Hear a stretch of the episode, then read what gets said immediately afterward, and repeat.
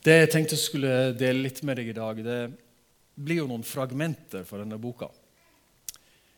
Kjærlighet er jo ikke så lett å snakke om, egentlig. For eh, kjærligheten handler jo mest om å bli berørt og å erfare noen ting. Så det kan fort bli veldig mye ord. Det er jo det du alltid føler er noe av begrensningen når du skal snakke om disse tingene her. Men eh, det er jo gjerne sånn at eh, kjærlighet berører oss enten gjennom at noen sier noe vennlig til oss og oppmuntrer oss. Det er derfor Bibelen sier at vi må ha mye oppmuntring. Eller det kan være at uh, noen rett og slett gjør en god handling for oss. Jeg vet ikke om du vet hva som er kjærlighetsspråket ditt. Jeg vet hva som er kona mi sitt. Hennes språk er tjenester. Så når hun kommer hjem, så finner hun et sleika hus. Hun er borte i helga. Støvsuga og rent. Eh, og så er det dette her med berøringen, da, som vel til syvende og sist egentlig er det som faktisk Nå snakker jeg om den indre berøringen, ikke den fysiske. Som til syvende og sist gjør størst inntrykk på oss. Er det ikke det? Og eh, jeg tror jo at det er sånn at vår evne til å gi kjærlighet er proporsjonal med hva vi har fått. Jeg tror ikke du klarer å gi noe du ikke har fått. Så mange føler jo på ofte stor eh, avstand når det gjelder å komme til det med nærhet og kjærlighet. Jeg har jo møtt mange sånne opp gjennom åra eh, som leder og forkynner. Og jeg har jo kjent på ting i mitt eget liv. Og eh, det er min fulle overbevisning at åpenbaringen av Gud som far er helt avgjørende for å komme inn i en dyp relasjon med Herren. Eh, og jeg er helt også overbevist om at Gud elsker oss så høyt at vi ikke bare skal føle det som noen ord i en bok, men som erfart i våre liv. Så er det sånn at møtet vårt med våre egne fedre har vi lett for å projisere over på Gud. Har vi hatt dårlig erfaring med autoriteter, så får vi ofte en dårlig erfaring med Gud. Eller vi blir iallfall engstelig for at det skal gjenta seg. Det kan være når vi vokser opp på skolen sant, og har lærere som eh, eh har vært dårlige forbilder. Alt som har med autoritet å gjøre. Derfor er det nesten umulig å snakke om kjærlighet uten å snakke om autoritet. Så denne boka handler også om å forstå hva autoritet er for noe. Men Gud han ønsker jo å berøre oss fordi at det at vi mottar Hans kjærlighet, når vi virkelig kjenner det og kan merke det i vårt liv, det er at det kommer en helt ny modning av balanse og identitet i vårt liv. Sant? Vi slutter å sprelle så mye, som jeg kaller det. Og Du som er mor og far, du vet jo at det som du putter inn i denne lille jenta Siri nå, da, hva du egentlig putter inn i det, vet du ikke egentlig før hun er blitt tenåring. Da kommer den store testen på hva som eh, de har fått. For da kommer alt det der presset om at du skal være noe du kanskje til syvende og sist ikke er, og du er engstelig for å være deg sjøl. Mens jeg tror at et klima av kjærlighet vil være et klima av eh, stor frihet til å utvikle og til å fostre de beste sidene og talentene og gavene i oss. Og eh, Det er jo min bønn med denne boken at for den som leser den, virkelig skal, når den klapper sammen i siste side, så skal du virkelig ha kasta over, over bord alle tvil og alle hemninger omkring hva som er Guds sanne hensikt og motiv i ditt liv. Vi skal begynne med å dele noen ord fra ei bok som ikke så vanlig tror at vi mange av oss leser i. Som predikant bør jeg se på klokka. Jeg tenkte at det fragmentet jeg skulle dele med deg i dag Jeg ga en tittel til dette opptaket, men jeg tror vi skal omskrive den tittelen. Og så skal vi kalle det 'Faderens kjærlighet og Åndens samfunn'. Vi skal slå opp i uh, Høysangen. Det er jo en bok som uh, Eh, handler om eh, forholdet mellom eh, bruden og brudgommen. og Den er jo krydra med et språk som noen ganger kan virke litt fremmed på oss når vi snakker om det åndelige forholdet til Gud. Og Jeg skal ikke bruke så mye tid på det, men vi skal gå til ett vers der i kapittel 8, det siste kapittelet i Høysangen. Så Menigheten er jo, brud, er jo, eh, bruden, og Kristus er brudgommen. Så det du leser her, må du på en måte ha forstått der. Hvis du leser Efeserbrevet, så sier Paulus at uh, inntil Jesus kommer, så skal han hente den modne mann, står det i Efeserbrevet. Den modne mann uh, er jo det egentlig denne boka handler om. Altså Hvordan vokser vi opp til å bli modne menn og kvinner i, i Kristus? Hvordan vokser vi opp til at menigheten blir en moden mann i Kristus? er jo kanskje kjernespørsmålet i denne boka. Men nå leser vi fra kapittel 8 i eh, vers 6 fra Salomos høysang. Sett meg som et seil på ditt hjerte, som et seil på din arm. For kjærligheten er sterk som døden, dens nidkjærhet er hard som dødsriket. Den har flammer som ildsluer en Herrens flamme. Det er jo et paradoks at vi kan snakke om hardhet når det gjelder kjærlighet. Er ikke det softness? Hvordan kan kjærligheten bli hard som døden? Jeg vet ikke om du ser at dette er egentlig en profeti også om den Faderen, Sønnen og Den hellige ånd. Sett meg som et seil på det hjertet, det og Den hellige ånd. Og så ser vi at kjærligheten er sterk som døden. Hvordan kan kjærligheten Nå snakker vi ikke om Romeo og Julie, liksom. Selv om det er jo fascinerende. Vi snakker om en drivkraft som er så sterk at den ofrer. Hva er det som er så tøft og sterkt med døden? Det er én ting. Den er kompromissløs. Når jeg som pastor satt og holdt Bodil i handa, 34 år, to barn som mamma, oppgitt av kreft.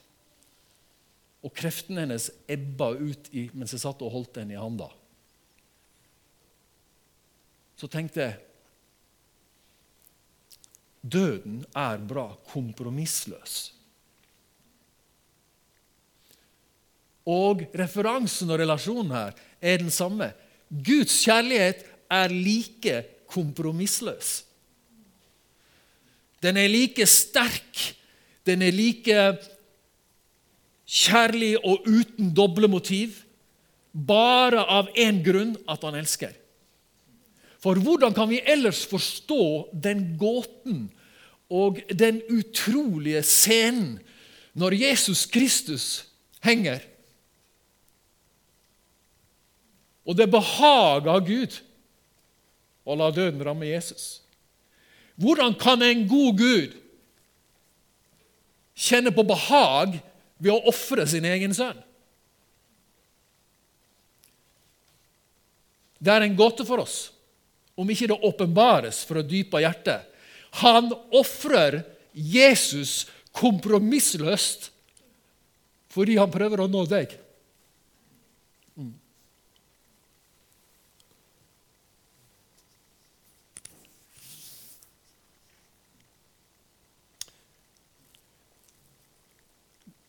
Det er den ultimale kraft av sann kjærlighet som det humanistiske øyet aldri kan se.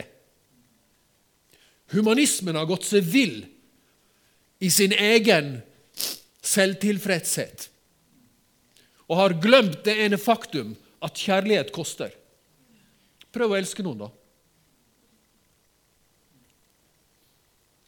Prøv å elske noen.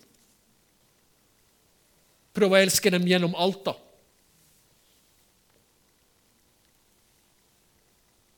Så Derfor så er Guds kjærlighet så kompromissløs, så sann og så ekte. Hvordan kan nidkjærheten bli hard som dødsriket?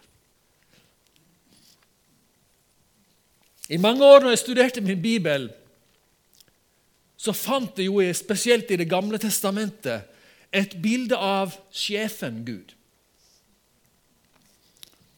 Og han virka utrolig utilnærmelig. Inntil jeg en dag forsto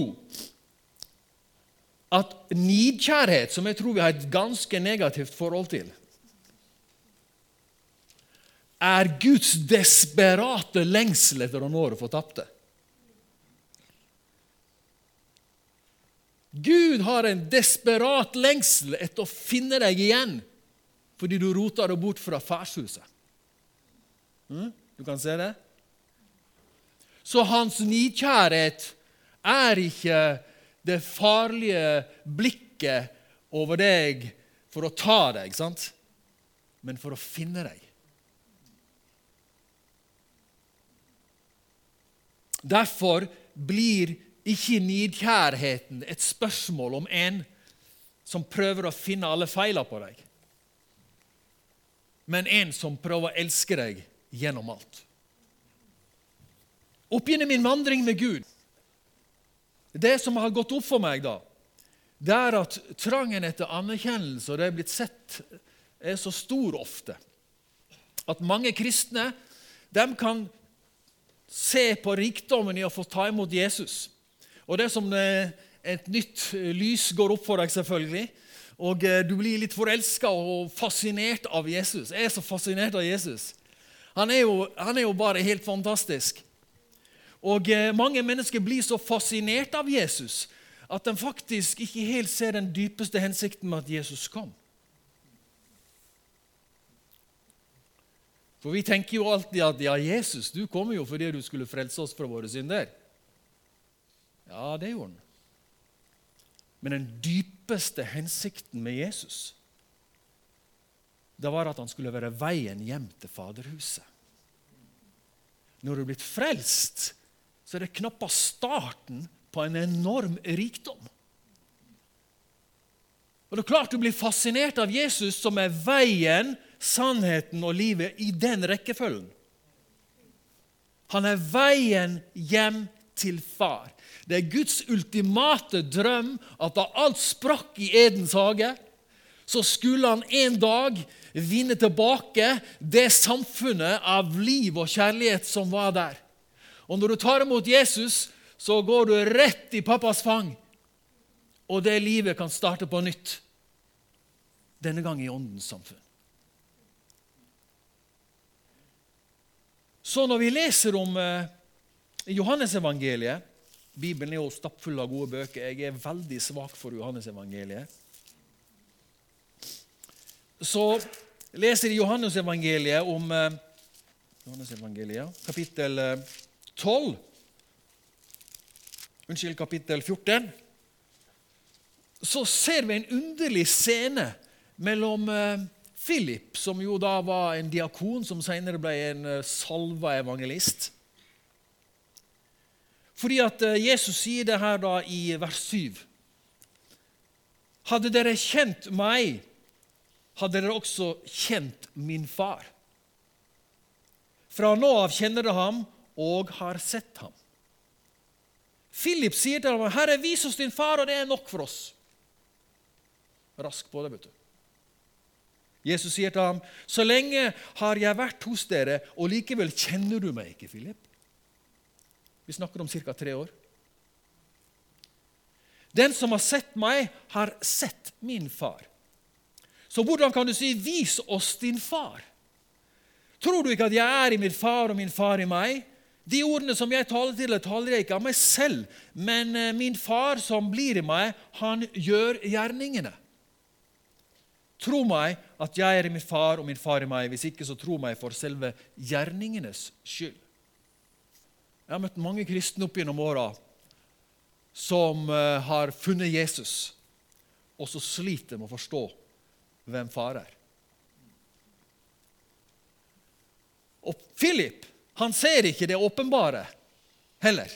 Han ser ikke det åpenbare at Jesus er Faderens utstrakte ham. Jesus er så lik far at han er fars jordiske bilde. Han, har, han er fars ansikt, og Philip får det ikke med seg av en eller annen grunn. Så får han ikke med seg. Jeg tror jeg skjønner hvorfor, jeg skal komme tilbake til det. Og Jesus, som da i alt han sier, og i alt han gjør, bare sier og gjør det han har hørt hos far, Han er på en måte den optimale inkarnasjonen av vår himmelske far. Det er noen som er der ute som ofte, og ofte med ikke-kristne, så liksom Gud han er vanskelig å finne. Så sier jeg nei, han er lett å finne. sier jeg. Hæ? Ja, han er virkelig lett å finne. Å? Ja, Hvis du tar imot Jesus Kristus, så finner du ham med en gang, sier jeg. Og hvis du lurer på hva Gud vil, og hva hans plan og hans hensikt er, så er det jo bare å se på Jesus. Så finner du ut alt hva Gud vil, og hva som er Guds hensikt. Men det som er hemmeligheten her med Jesus, det er fascinerende, syns jeg. Og som jeg tror er grunnen til at Philip bl.a. ikke ser. Det er at han hadde ikke forstått Jesu relasjon med sin far. Ser du noen gang Jesus omtale sin tjeneste? Aldri. Jesus omtaler seg bare som en sønn i huset. Han omtaler seg sjøl alltid i relasjon med sin far. Jeg er jo absolutt for at vi i menigheten skal undervise om tjenester og gaver. og du verden som vi har undervist om det opp gjennom åra. Og jeg trengte jo mye av det for å forstå mitt eget kall og min egen tjeneste. Men jeg ser at det er noe som er enda viktigere. For at vi ikke skal bli tilhengere, for at vi skal vokse opp og bli modne, for at vi skal være i stand til å lede vårt eget liv, så må vi vokse opp til det Jesus var. Og han var sønn i huset. Verken mer eller mindre. Så jeg tror mange kristne går glipp av det fordi de er for voksne. De er rett og slett for voksne. Ja, hvordan går det an? Jeg snakker ikke om å være barnslig. Jeg snakker om å være barnlig. For hele hemmeligheten her er at Jesus i sin relasjon med far hadde et samfunn i ånden som gjorde at han alltid handla på at han var sønn i huset. Aldri noe annet. Og hva er det Jesus sier om det å være barn, da? Da må vi gå til Lukas kapittel 10. Og så leser vi et veldig spesielt ord, egentlig, om Jesus. For dette er den eneste plassen vi leser akkurat disse få ordene. I Lukas 10, vers 21 så står det at i samme stund frydet Jesus seg i ånden. Vi må jo anta at han fryder seg i ånden hele tida, men, men, eh, det står ingen andre plasser i Bibelen enn det akkurat det. Det står at han fryder seg i ånden. står det. Og så Og jeg takker deg, far, sier han. Herre over himmel og jord, for du har skjult dette for de vise og kloke, og har åpenbart det for umyndige. På gresk står det spedbarn, eller barnets enkle og tillitsfulle sinnelag. Slik er det, far, for dette er velbehagelig for deg. Hva er det som er velbehagelig for Faderen? Det er behagelig for Faderen å ha sønner og døtre. En god far elsker å ha sønner og døtre. Og Jesus fryder seg i Den hellige ånd over denne lille åpenbaringen. Og så sier han videre alle ting er overgitt meg av min far, og ingen vet hvem Sønnen er uten Faderen, og hvem Faderen er uten Sønnen, og den som Sønnen vil åpenbare det for. Så vi snakker om åpenbaring.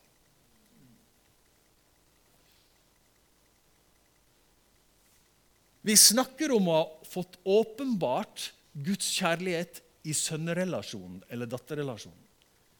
Og vet du hva? Det klarer vi ikke uten Den hellige ånd. Så hva er det Jesus egentlig sier her? Jo, han sier det at åndens fryd åndens liv vil aller mest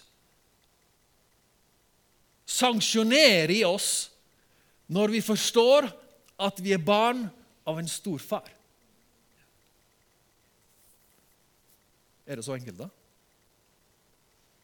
Den hellige ånd har mange kristne litt et diffust forhold til. Er han et spøkelse, eller er han en pers Hva er han egentlig? Jeg elsker å undervise om Den hellige ånd, for Den hellige ånd han er jo like konkret som Jesus. Problemet er at Den hellige ånd har ikke noe ansikt. Jesus Ja, far, vi ser deg. Vi ser deg. Ser du meg, så ser du Faderen, sier Jesus. Men Den hellige ånd han har ikke noe ansikt. Hvorfor har ikke Den hellige ånd et tydelig ansikt? Fordi Den hellige ånd elsker å åpenbare Jesus, så du finner vei hjem til Faderhuset, for da starter Åndens liv. Var du med på den? Den hellige ånd elsker å åpenbare Jesus, for da finner du vei hjem til Faderhuset, og du kan få del i det åndelige samfunnet som Jesus hadde med sin far. Var du med nå? Uten Åndens samfunn forstår vi ikke hvem far er. Så vi må rett og slett bli kjent med Den hellige ånd. Og nå lever vi i Åndens tidsalder. sant? Menighetens tidsalder er Åndens tidsalder. Det er den tiden hvor Den hellige ånd er tilgjengelig for oss, og han er dypt i våre hjerter. Og for å understreke hva sier Ånden om det å være barn? Hva sier Den hellige ånd om det å være barn? Da må vi gå til Romeren 8. Er du med meg ennå? Jeg må være litt grundig på dette. Kjør på. I Romerne 8 Hva sier Den hellige ånd i vers 14? For så mange som blir ledet av Guds ånd, de er Guds barn. Hvem er det som ledes av Den hellige ånd? Det er barna. De som er så voksne, de trenger ikke noe ledelse. De klarer seg på egen hånd. Dem. Barna trenger ledelse. Og det står at Den hellige ånd er utgitt i våre hjerter ved Guds kjærlighet. sant? Så det er der vi rett og slett erfarer i Åndens samfunn den dype kjærligheten fra Faderen. Så vi må altså bare lære å utvikle samfunn med en hellig ånd. Og lære oss å være sammen med en person Lære oss å omgås en person som virkelig vil sette de store dybder på kartet i våre hjerter. For dere fikk ikke trelldomens ånd så dere igjen skulle frykte, men dere fikk barnekårets ånd, og i ånden roper vi 'Pappa, far'.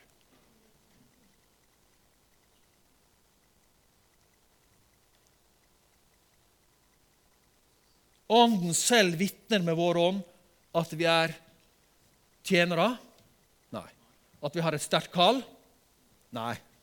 At vi eh, er utvalgt? Nei. Den vitner om at vi er Guds barn. Gjerrige kristne har en liten Gud fordi vi ikke har del i Åndens samfunn. De har jo del i det. Dette handler ikke om vår frelse. De har bare ikke fått det åpenbart. Barn har en stor pappa. Spør Benjamin om hva han syns om pappaen sin. da. Benjamin er fem år. Han forguder far sin. Nei, unnskyld, sju år. Han ser sånn opp til pappa. Hvorfor gjør han det? Han ser dette forbildet. Barn er blitt så er så tillitsfulle enda. Og så åpne for eh, relasjonen. Og Gud hjelper oss at vi som foreldre ikke skader dem så mye at de går glipp av det. For i denne kjærlighetsrelasjonen For Den hellige ånd han må leve i et klima av kjærlighet. Den hellige ånd vil salve alt som er under Jesu blod. Den hellige ånd er helt avhengig av et klima i kjærlighet. Så når det opprører ting, så er, så er det vanskelig for Den hellige ånd. Er som duen står Og duen vet du, den har ikke noe galleblære, så den, den klarer ikke noe med bitterhet. Så Derfor er Den hellige ånd en sånn utrolig var men der Jesus har vært, og blodet har fått gjort sin gjerning, der vil Den hellige ånd komme og salve. Så Den hellige ånd, dette barnekåret, for å forstå og understreke hvor viktig dette er, så må jeg ta en liten parentes. Du har lest åpenbaringsboka. Det er ikke akkurat de letteste bøkene i Bibelen, men eh, du har lest den kanskje. Iallfall har du begynt å tenke at nå skal jeg fullføre den åpenbaringsboka. Eh, der tales det jo bl.a. Eh, eh, om til et budskap til syv menigheter. Du kjenner den. Og En av de menighetene er jo da menigheten i Efesos. Denne menigheten var en fantastisk menighet. Fordi denne menigheten den hadde et fantastisk arbeid. En enorm tålmodighet. De hadde tålte ikke det som var ondt. De hadde prøvd dem som var falske, og alle kaltes apostler som ikke var det. Og de har holdt ut med tålmodighet og arbeida uten å bli trett i årevis. Hva kan du mer vente, da? Det var én ting som mangla dem. Det var at de hadde mista sin første kjærlighet. Hva er den første kjærlighet? Det er barnekårets kjærlighet. Husk på det jeg tenkte på i mange år. Far, Jesus, hva er barnekårets kjærlighet? Hva er det jeg ikke forstår her? Er det det at jeg ikke er så like glad som da var nyfrelst? Hva er det? Barnekårets kjærlighet, det er den første kjærlighet. Den hellige ånd elsker og trigges av at du lever i den. For da er du full av tillit og tro og har en stor far i himmelen. Er du med meg? Så Åndens samfunn er dermed blitt så utrolig viktig for oss troende og for menigheten. Fordi at menigheten skal bygges og ledes av at vi lar oss lede av Den hellige ånd. Det er en bygning i ånden vi holder på med. Er det ikke det? Og da er det sånn at eh, vi må faktisk virkelig inn i åndens samfunn for å forstå hvordan menigheten skal bygges, eller hvordan livet mitt kan bygges. Jeg har en annen ting som jeg bruker å, der jeg får lov å komme, altså hvor jeg snakker om eh, integritet og tillit. Jeg bruker å ta med da unge folk på en reise gjennom mitt eget liv. Eh, fordi at i dag eh, har vi fått metoo, liksom. Verden skal prøve å ordne opp sitt eget kaos. Og De er jo så flinke at de klarer å si at fylla har skylda. Som om det hjelper. Så jeg har eh, da og for, eh, er litt åpen med hva slags fristelser og prøvelser jeg har møtt i egne liv, og så snakker jeg om hvordan vi kan bevare integriteten og tilliten. Og Når du skal gå gjennom livet, så må jeg så takknemlig for at jeg har kjent Far, kjent Gud, fått kjent Den hellige ånds samfunn. For når Jesus snakker om i Getsemanes hage, så snakker han om at uh, det her med bønn vet du. Be, sier han. Og Hvorfor skal vi be, da? Er det fordi det er så mye å få der ute? Vet du, Bønn forandrer ikke Gud. Det forandrer bare meg og deg. Men hvorfor sier Jesus at vi skal be? Jo, for vi ikke skal falle i fristelse. Er det noen fristelser der ute? Det er mange fristelser der ute. Skal vi leve i integritet, da, så må vi på en måte lære å anerkjenne Den hellige ånds liv i oss. Og det er så utrolig dyrebart. Når jeg bøyer mine knær, for jeg må ofte jeg må, jeg, jeg, det her er jo ikke noe målestokk for ting, men jeg sier noe likevel. Jeg må ofte bøye knærne mine når jeg ber. Og Grunnen til at jeg, jeg kjenner på den noen ganger hvor jeg må ydmyke meg for Gud. For å leve nær mitt eget hjerte. For å kjenne meg knust i mitt eget indre. Så må jeg noen gang fyse, jeg må veldig ofte når jeg ber, bøye mine knær.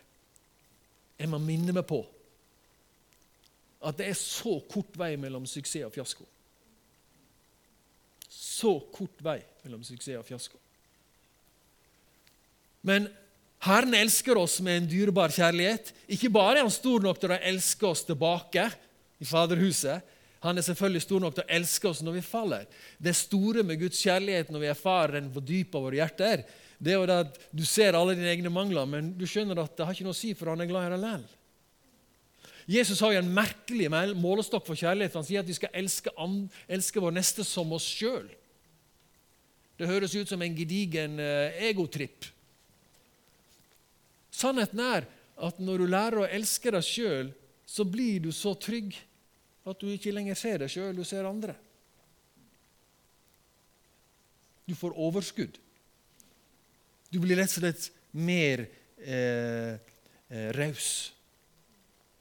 Den som ikke elsker seg sjøl, må alltid være, være, i sentrum. For han får jo aldri nok. Mm. Så da trenger vi helbredelse. Da trenger vi guddommelig helbredelse fra fars hjerte.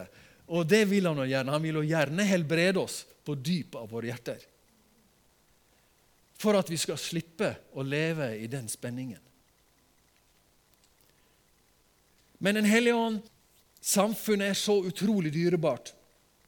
Og det er noe med Den hellige ånds samfunn som, som, Jeg har lyst til at du skal være med bare et bitte lite ord i uh, langt fram i Bibelen, i Første Mosebok. Første Mosebok i kapittel 7, faktisk. Det er den store vannflommen. Og hva har det med Den hellige ånd å gjøre, spør du? Ja, la oss finne det ut. I Første Mosebok kapittel 7 så finner vi et merkelig ord. Vi leser fra vers 11. Det no året Noah var 600 år Altså, Hvorfor var Noah 600 år? Det var fordi at han kom ut av evigheten, og den hadde ikke runda av han ennå. Jeg fleiper ikke. Det er som eau de sant? Du spyler eau de på deg, så lukter du ganske lenge. Han var enda så prega av evigheten at han var ikke blitt som meg og deg og levde i 85 år, så er vi heldige. Så evigheten hang på han enda, inntil Gud litt seinere setter en sperre på hvor lenge mennesket skal leve. Ok, Da Noah var 600 år i den andre måneden, på den 17. dagen i måneden På den dagen ble alle kildene i det store dypet brutt opp, og himmelens sluser ble åpnet. Det er det jeg snakker om når jeg snakker om å innta samfunnet med Nellian. Kjærlighetens sluser åpnes i ditt indre. Ånden åpner slusene i alle kamrene. Du vet at Når Jesus kommer inn eh, og, og du tar imot Jesus, så slås tusenvatteren på. Og tusenwatteren har en uh, lei og vanskelig egenskap. Den uh, ser alt.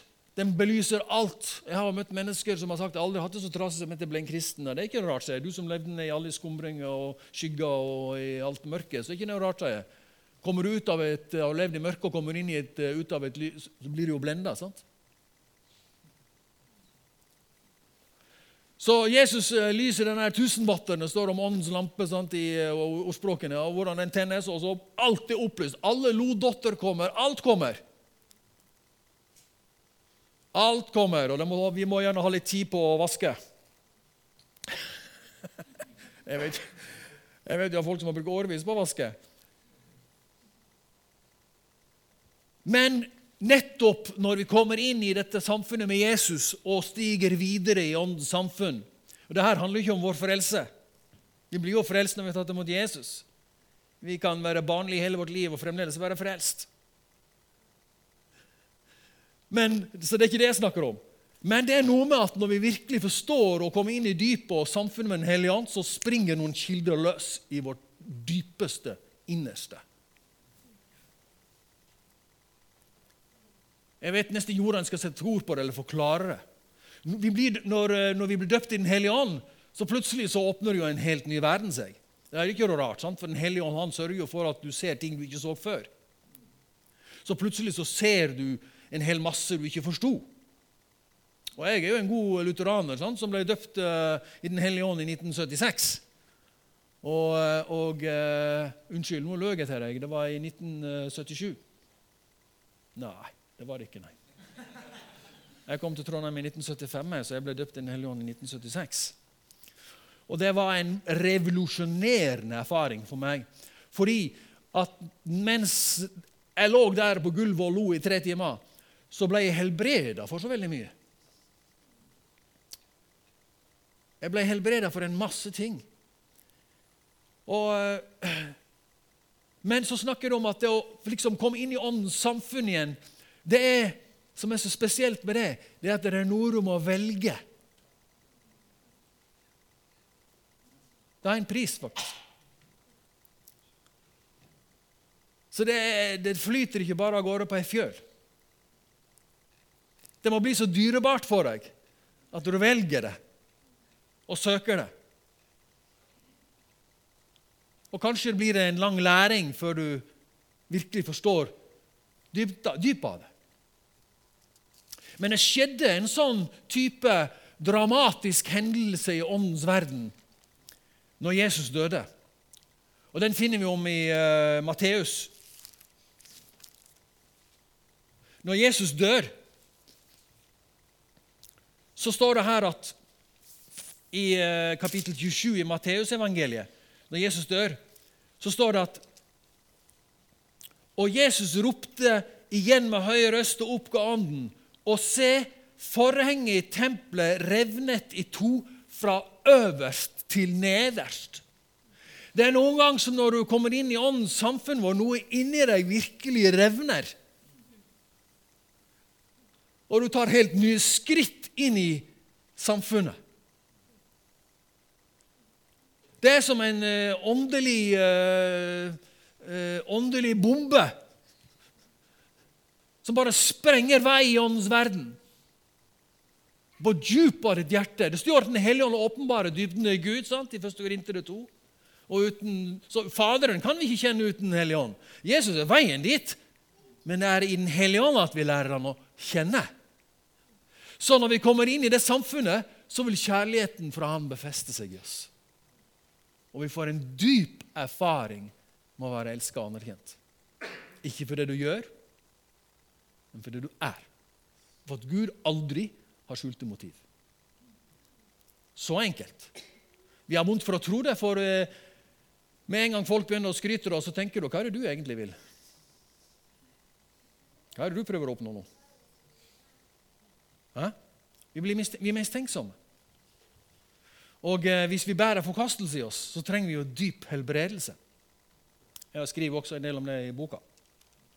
Så det er noe som revner. Og det som revner, det er jo at veien inn til Faderens hjerte er fullstendig åpen og fri. Det fins ingen hindringer. Så for den som vil gå dit, så er det fullstendig åpenhet.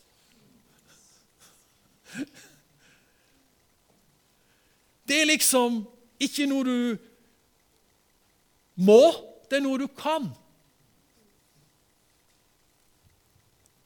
Du må ikke lese så mye i Bibelen. Du må ikke be så mye. Du kan. Guds kjærlighet er helt uforanderlig. Når jeg står opp fem på seks om morgenen og har en trekvarter en time hver morgen med Herren som jeg har hatt i 30 år, så er det ikke fordi at jeg må. Det er fordi jeg elsker det. Det er fordi jeg elsker det. Og Nå prøver jeg ikke å framstille meg som en som er så, så mye bedre enn du. Men du kan være lydig av to grunner. Du kan være lydig for at noen pisker deg, og du kan være lydig for at du elsker. Gjett hva som smaker best. Gitt hva som smaker best. Sannheten er jo en del av kjærligheten, sier Jesus står for rettergangen. så spør Pilatus hva er sannhet. Hm, godt spørsmål. Kjærligheten er sannferdig. Og i relasjonsforhold sant, så er det vi utfordrer ofte på det. sant? I ekteskapet, med venner og sånn. Vi får konflikter. Og så spørs det hvor sann og ekte er vi da? Faderen er alltid sann, men det er klart, sannheten kan tjene som et piskeslag om ikke den kommer i kjærlighet. Og Gud møter ikke barna sine med oppdragelse. som samme, Det er ikke sånn mor og far gjør når barna kommer ut av mors mage. 'Nå skal du høre her, du lille gutt!' Gjør de det? Mor og far nærer og elsker inntil oppdragelsen begynner. Sånn er det Gud gjør med oss. Så når du er barn og bevarer tilliten og troen i det å være barn, så lar du deg oppdra mens du går.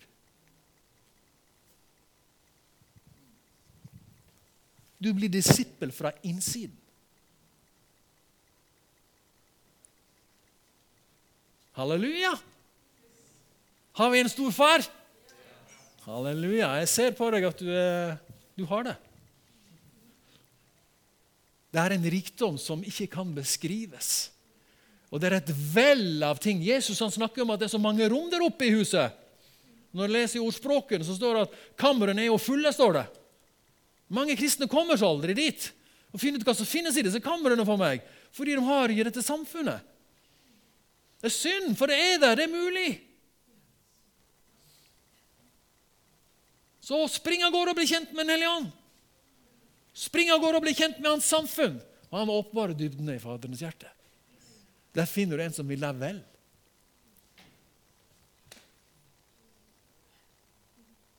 Jeg har begynt på en liten ny trosvei i forbindelse med denne boka. Jeg er jo ingen landskjent forfatter og, og eh, sånn. Så jeg må ta noen trosskritt. For når Den hellige ånd begynte å snakke med meg om at jeg skulle gjøre det, her, så tenkte jeg Herre, hvem er jeg? liksom? Hva kan jeg gjøre? Han sa du, du må gjøre dette. Du må gjøre dette. Så må jeg ta mine små skritt. Jeg kunne snakka mye om samfunnet, men jeg tror vi skal stoppe der. Jeg kunne snakka veldig mye om Den hellige ånd. Så Den hellige ånd er så var fordi han er så gentle. Han er en gentleman. Han presser seg ikke på folk. Han tvinger ingen. Tvang og manipulasjon kommer som et resultat av at vi er utrygge. Sant? Når vi blir utrygge og engstelige, da begynner vi å frykte, og da begynner vi å manipulere. Kjærligheten er bare sånn at han slipper ting fri, selv om han vet han ikke får noe igjen. Ingenting igjen.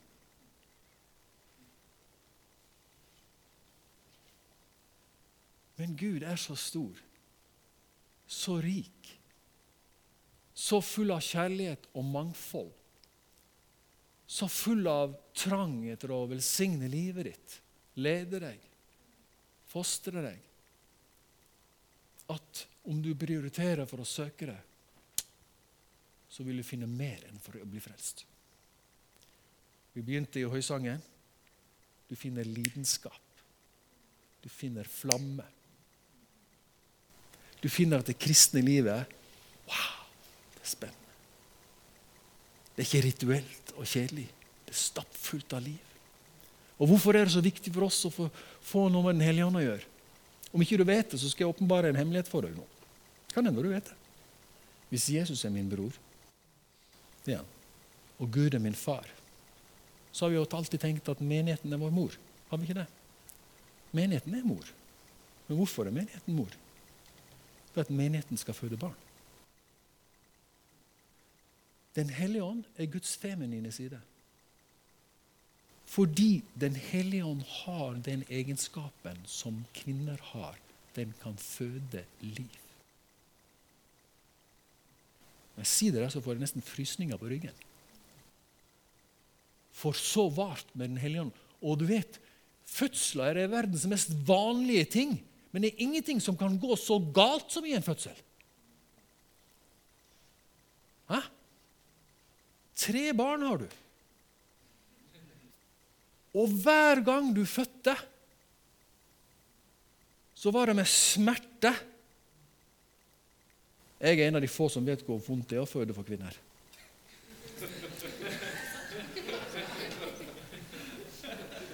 Legen min har sagt det. Du, du vet jo litt om hva du føder, for jeg har hatt nyrestein. Det er jo smerte uten mening. Fødsel er jo smerte med mening. For en sammenligning. Tullete. Poenget mitt er det at Den hellige ånd føder liv. Den hellige ånd er så gentle. Han kan føde liv. Han er livfull. Han er uh, den som uh, gjør oss pregnant, rett og slett, med det som bor i Faderens hjerte, som skal bli en realitet. Så Den hellige ånd elsker åpenbare løfter for deg og gjøre dem levende, sånn at du aldri gir opp. Det er ting du har bedt om i ti år, men du slutter aldri. Men det er så levende når du sitter der inne og snakker med han som om det var i går. Og Jeg har til og med en bønnebok her som jeg skriver hver dag litt ofte. Istedenfor at jeg snakker med Gud, så skriver jeg til han. Og Da kan jeg gå bare tilbake da, vet du, og se når var, det, når var han sa det. Ja, det var den 22.10.1916. Ja, da sa han det. Ja, det stemmer jo, Herre. Nå ble det sånn. Den hellige ånd er så gentle og full av liv. Vi kan velge det i kjærlighet. Du trenger ikke, du må ikke. Du kommer til himmelen. Alt går bra så lenge du har Jesus. Men det finnes en rikdom der.